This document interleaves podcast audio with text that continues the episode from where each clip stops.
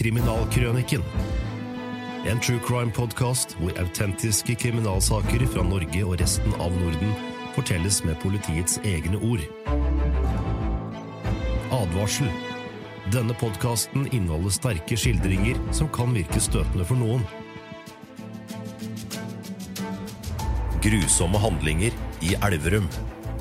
Denne episoden er bygget på en tekst av politioverbetjent Roger Ness og politiadvokat Henning Klauseie ved Østerdal politidistrikt. Enkelte navn har blitt endret. Hedmark mandag 23. januar 2012 klokken 8.54.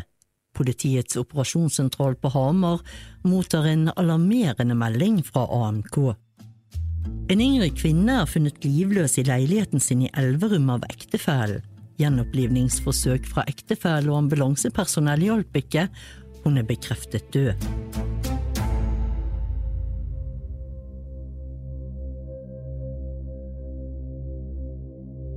Det var ingenting som tydet på at denne mandagsformiddagen skulle bli noe annet enn en ordinær dag for politiet i Hedmark, men meldingen til operasjonssentralen endret på dette. Lokalt politi hadde god kjennskap til de involverte i dødsfallet.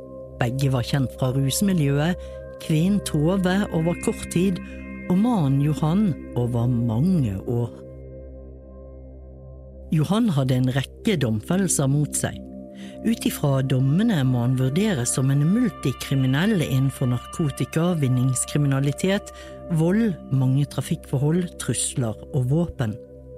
Dødsfallet var uventet, og det ble raskt rykket ut til stedet.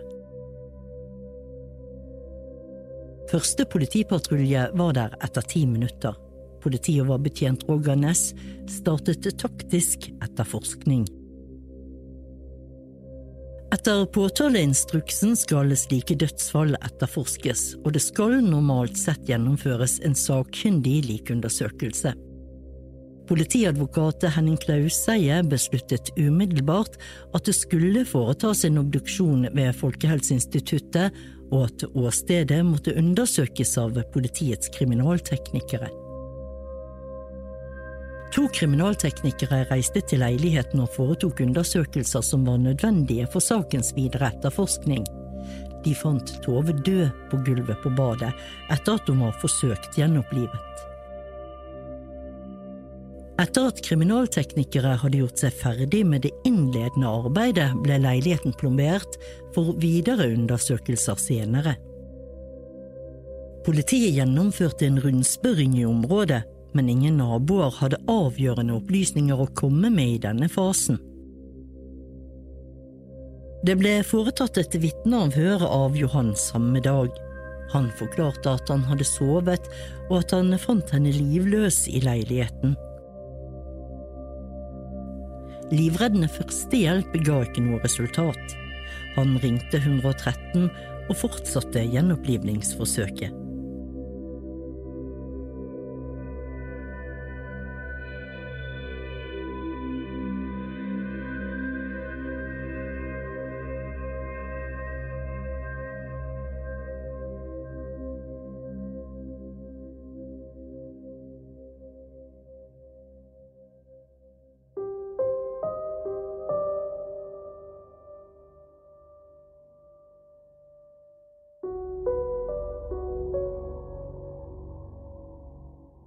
Lokalavisen Østlendingen fikk tips fra naboer om at noe hadde skjedd i leiligheten og tok kontakt med politiet.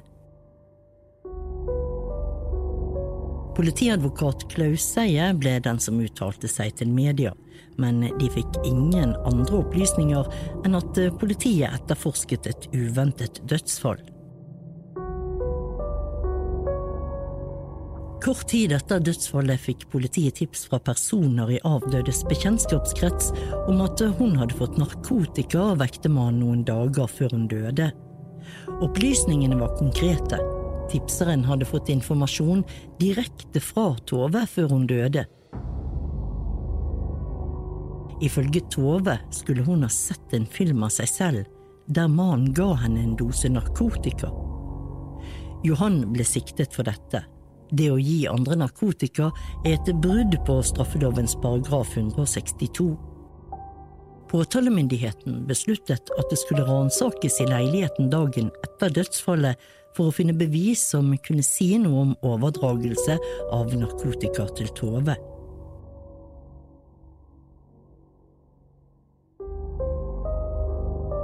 Politiet kjente fra før til at Johan ofte filmet mye av det han drev med. Også sine egne ulovlige handlinger. I en tidligere sak hadde politiet funnet en film der han hadde gitt en narkoman mann en sprøyte med narkotisk innhold. Det var derfor av interesse å lete etter elektroniske spor som kunne belyse narkotikaaktiviteten hans.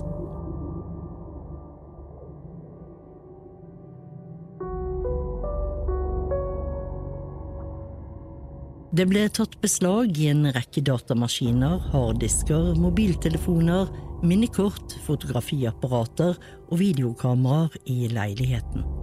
Et stort stykke arbeid ventet. Politiet fant raskt ut at databeslaget måtte gjennomgås på en grundig måte som ga sikkerhet for at man fikk med seg alt som lå på utstyret. Politioverbetjent Roger Næss og politiførstebetjent Øyvind Bakken fikk i oppdrag å gå igjennom alle beslagene for å lete etter bevis for at Johan hadde gitt narkotikaen til Tove.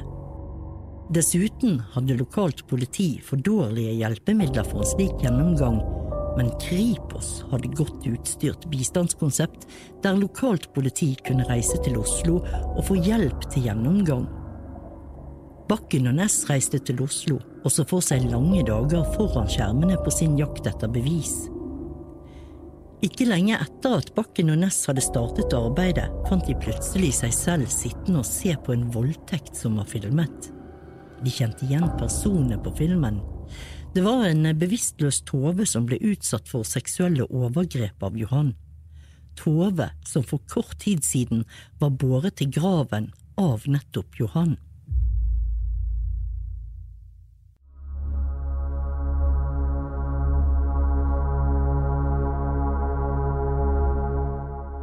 Etterforskningen fikk et helt annet fokus – seksualforbryteren Johan. Dette var noe helt nytt for politiet, all den tid hans nisje hadde vært vinning og narkotika de seneste årene. Den videre gjennomgangen av datamaterialet gjorde at politiet ble mer og mer sikre. Dette er en voldtektssak. Det ble funnet film fra flere anledninger der Tove var enten totalt bevisstløs eller ikke klarte å motsette seg Johans seksuelle handlinger. I tillegg ble det funnet en film av en annen jente, Marte, som politiet kjente igjen. Mens hun var bevisstløs, ble hun utsatt for grove seksuelle krenkelser av Johan. Politiet kjente igjen Marte fordi hun tidligere hadde hatt en relasjon til Johan, og Johan var dømt for legemsbeskadigelse av henne. Etter at det ble konferert mellom etterforskere og påtalejuristen i saken, ble det besluttet at Johan skulle pågripes onsdag den 14. mars 2012 og fremstilles for varetektsfengsling i Sør-Østerdal tingrett fredag den 16. mars 2012. Planlegging for pågripelsen og fengslingen skjedde etter at etterforskerne hadde skrevet sine rapporter om filmene de hadde funnet. Johan skulle siktes for flere voldtekter mot to kvinner og for narkotikakriminalitet. Politiets planlagte pågripelse gikk dessverre i vasken. Søndag 11. mars 2012 klokken 07.23 ringte en ung jente fra Hedmark til politiet og sa at hun var voldtatt i løpet av natten av Johan. Hun opplyste at hun var gitt det flytende narkotiske stoffet GHB og deretter blitt voldtatt. Jenten Monica ble hentet til politistasjonen og avhørt, og også tatt med til sykehuset der hun ble undersøkt av lege. Hun forklarte at hun var skjenket med det flytende narkotiske stoffet GHB, og at det hadde blitt gjennomført en voldtekt av henne. Det var uklart for politiet hvor dette hadde skjedd, ettersom jenten var meget ruset og hun ble utsatt for ugjerningen.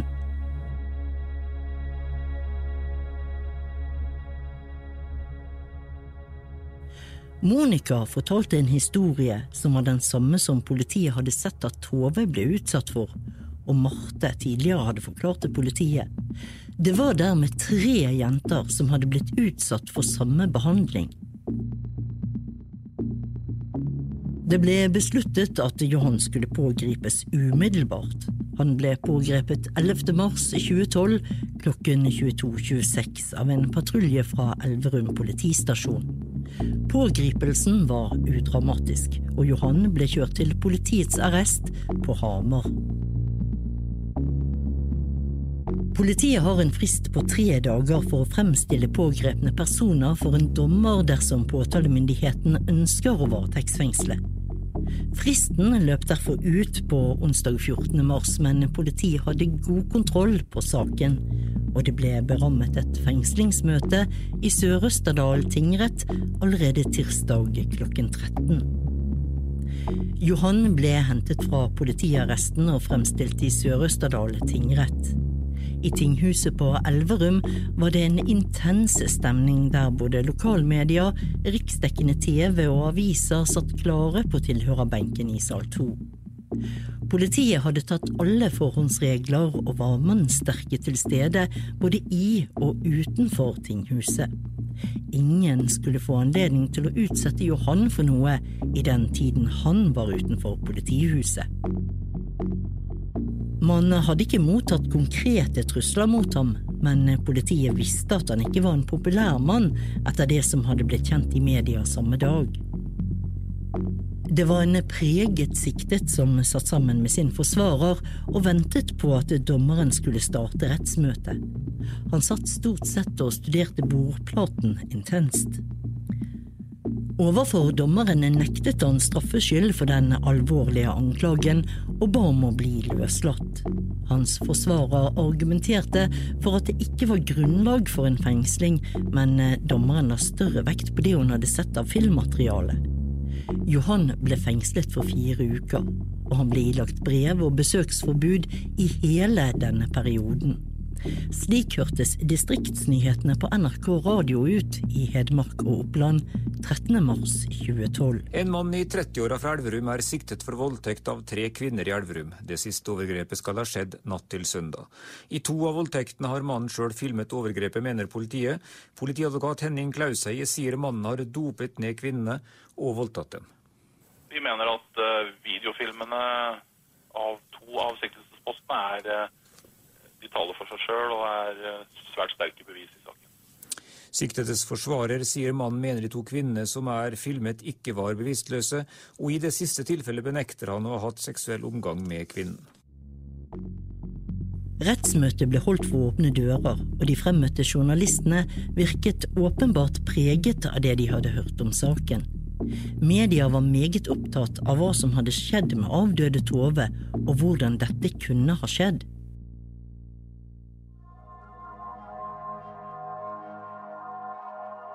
Voldtektsgruppen ved Kripos har et nasjonalt ansvar i voldtektssaker av større omfang. De tok raskt kontakt med politiet i Hedmark for å bli informert om saken og for å tilby sine tjenester.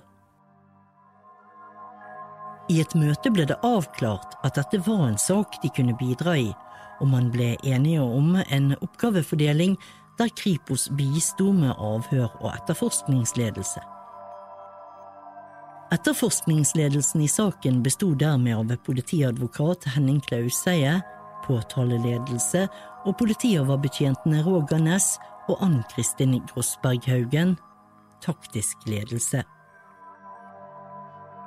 I tillegg fikk en rekke medarbeidere ansvar for ulike prosjekter, eksempel databeslag, film, kriminalteknikk, avhør av fornærmede, avhør av vitner, avhør av siktede osv.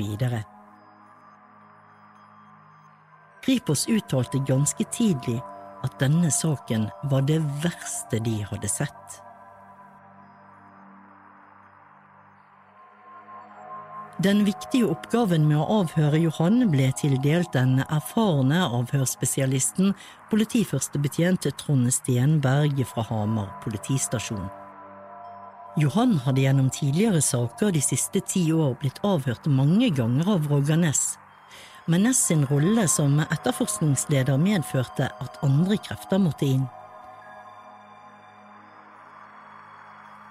Steneberg kjente ikke Johan noe særlig fra før, men det ble en viktig brikke i det puslespillet etterforskningen skulle vise seg å bli.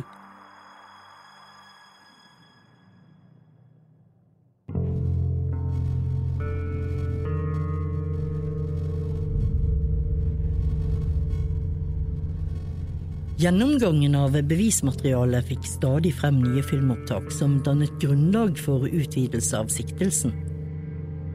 Politiet fant film av en rekke voldtekter av Tove. Johan hadde i mange år vært en slags alfahann i det kriminelle miljøet. Han hadde skaffet seg en posisjon som få andre turte å bestride. Mange i det kriminelle miljøet sa til politiet at Johan hadde taket på dem men ingen posisjon varer evig, selv ikke for Johan. Så snart det kriminelle miljøet skjønte hva etterforskningen dreide seg om, ble de mer samarbeids- og snakkevillige. De forklarte seg om hva de visste. Denne informasjonen hadde ikke politiet fått fra dem dersom saken hadde dreid seg om narkotika eller vinningskriminalitet. Tove hadde sagt til flere at hun følte seg overvåket av ektefellen.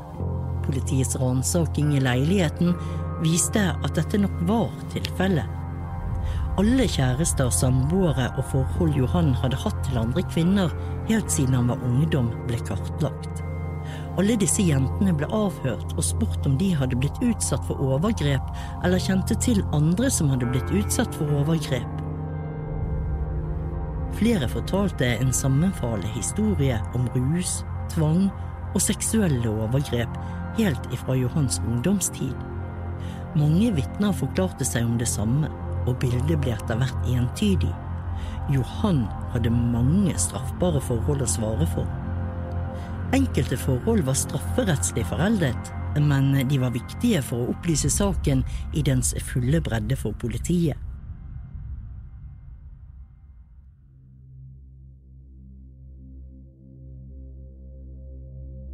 I avhørene hos politiet nektet Johan gjennomgående for å ha forholdt seg slik politiet mente. Han forklarte stort sett at det påståtte ikke hadde skjedd, eller at det var snakk om frivillighet mellom han og jentene.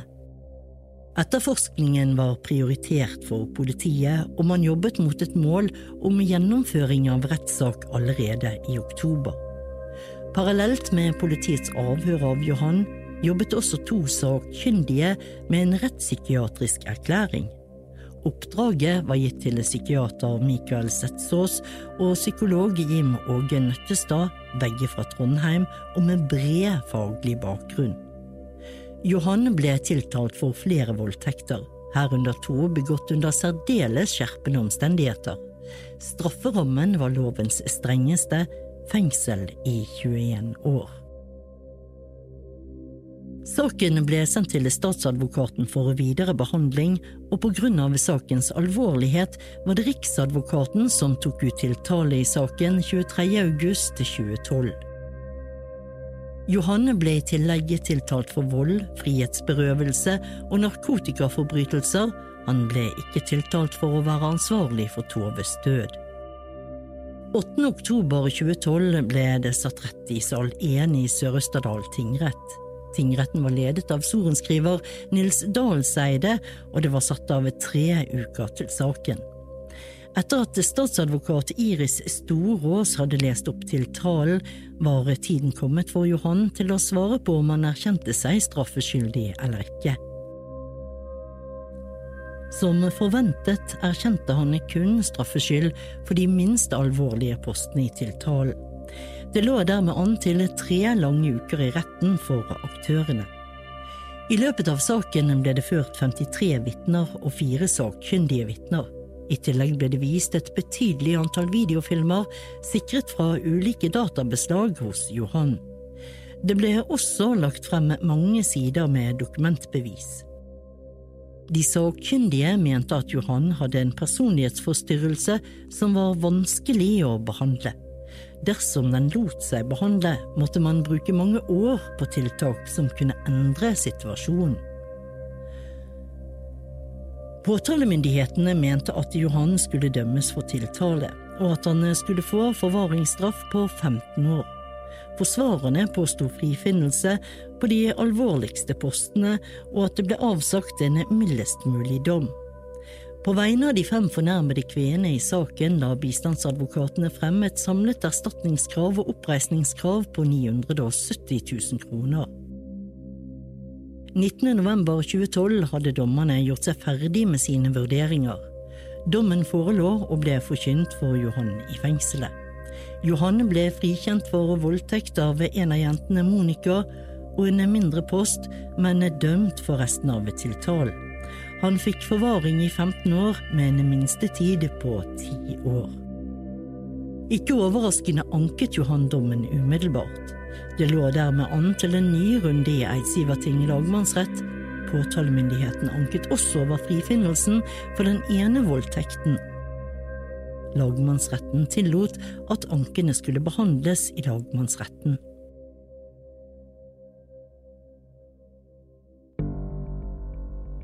I Eidsivating lagmannsrett skulle saken behandles med en jury.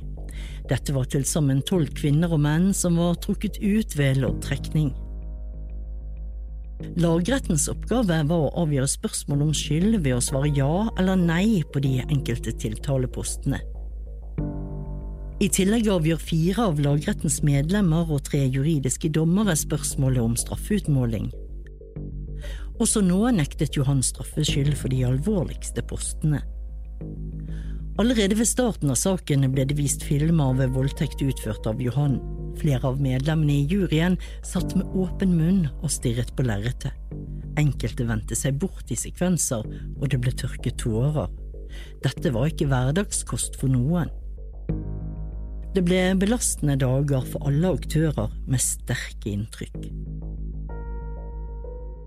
Johan forklarte gang på gang at det man så på filmen ikke var slik det kunne se ut til, at det var frivillig, avtalt og et spill som var filmet. Juryen fikk med seg en lang rekke spørsmål på bakrommet som de skulle ta stilling til. Spørsmålet skal etter straffeprosessloven besvares med enten nei eller med ja, med mer enn seks stemmer. Hvem som stemmer hva i juryen er hemmelig, og det gjøres ikke kjent for andre enn de som sitter i juryen. Johan ble ikke trodd av juryen. Alle spørsmål ble besvart med ja. Med mer enn seks stemmer. Også den voldtekten mot Monica som han var frikjent for i tingretten. Johan var dermed endelig domfelt, og alle var klar over at det ventet en lang straff på ham.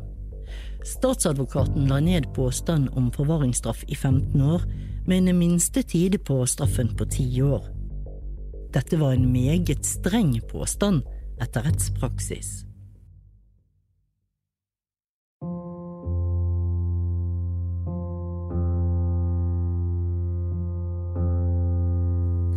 Hamar 3. april 2013, dommens dag for Johan. Det er nå 19. gang han skal motta en dom. Han er fra før domfelt jevnlig helt siden ungdomsårene. Etter å ha sittet i varetektsfengsel i over ett år, er det en preget, nærmest askegrå Johan som føres inn i rettssalen. Alle reiser seg når dommeren kommer inn og leser slutningen i dommen. Til en straff av forvaring med en tidsramme på 17, 17 år. Med en minstetid på 10, 10 år. Lagmannsretten skjerpet dermed tingrettens dom og mente at aktors påstand var for lav. 17 år forvaring er den strengeste dommen som er avsagt i Norge for sedelighetsforbrytelser. Vi går til NRK Dagsrevyen 3. april 2013. Det som blir omtalt som den strengeste dommen for overgrep noen gang her i landet, falt i Eidsivating lagmannsrett i dag. En 38-åring fra Elverum ble dømt til 17 års forvaring. Han ble funnet skyldig i å ha dopet ned og voldtatt fem kvinner. Hun er en av fem jenter som Elverumsingen var tiltalt for grove voldtekter mot etter at han hadde dopet dem ned med narkotika. Jeg er spent på hva som kommer, selv om det Jeg har vel egentlig vært ganske trygg på det hele veien, hva dommen blir. Men jeg er spent. I dag skulle hun få høre hvor lenge Eidsivating lagmannsrett mener han bør sitte i fengsel for voldtektene han ble funnet skyldig i av juryen før påske. Hun var 17 år og i en sårbar periode i livet sitt da hun møtte mannen. Han satte den første sprøyta på henne og voldtok henne mens hun var bevisstløs. Det blir, eh, blir godt. Det er nok et vendepunkt for mange. Det blir godt å få det litt mer på avstand. Retten begrunnet forvaringsdommen med at mannen over flere år fulgte det samme mønsteret med neddoping, mishandling og grove voldtekter av de fem kvinnene og at sakkyndige mener det er stor fare for gjentagelse. Reporter var NRKs Anne Kari Løberg. Etter å ha hørt alle vitner i saken var lagmannsretten entydig i konklusjonen. Johan hadde planmessig utnyttet sårbare jenter over en årrekke. Jentene var sårbare fordi de var del av et rusmiljø, og Johan skaffet dem narkotika og piller. Han dopet dem ned og misbrukte dem en rekke ganger. Det var ingen formildende omstendigheter med det Johan hadde gjort. Felles for jentene var at de fikk kontakt med Johan i rusmiljøet. Noen bodde sammen med ham som samboer eller kjæreste, mens andre var mer flyktige forbindelser. Tove fikk aldri forklart seg for politi eller domstol, men hennes stemme ble hørt via venner og familiemedlemmer, i tillegg til alt filmmaterialet politiet fant. Hun var fanget i et regime der Johan bestemte alt døgnet rundt. Hun ble slått, kjeftet på, voldtatt på det groveste og nektet kontakt med familie og venner. Hun var redusert til intet etter å ha tidligere vært i arbeid og klart seg selv. Lagmannsrettene la til grunn at han skulle dømmes for blant annet over 20 voldtekter, hvorav flere beskrives som sadistiske. Det står i dommen at Johan ikke på noe tidspunkt har vist medfølelse eller empati for de fornærmede. I stedet mente han at han selv var et offer i saken og skyldte på jentene. Jentene ble til sammen tilkjent 820 000 kroner i erstatning og oppreisning for det de hadde vært utsatt for. Johans eneste ankemulighet var Høyesterett. Han anket dit, men Høyesterett avslo denne. Dommen ble dermed rettskraftig. Johans videre liv ble dermed i forvaring. Hva så med ofrene til Johan? Tove er død. De fire andre jentene ser ut til å ha kommet seg videre i livet. Hvilke arr de har i sjel, kan den enkelte sikkert tenke seg. Du har hørt Grusomme handlinger i Elverum. Bygget på en tekst av politioverbetjent Roger Ness og politiadvokat Henning Klauseie ved Østerdal politidistrikt. Forteller var Marianne Mo. Produsenter var Troy Langås og Marianne Mo. Lydklipp er hentet fra NRK Dagsrevyen og NRK Innlandet.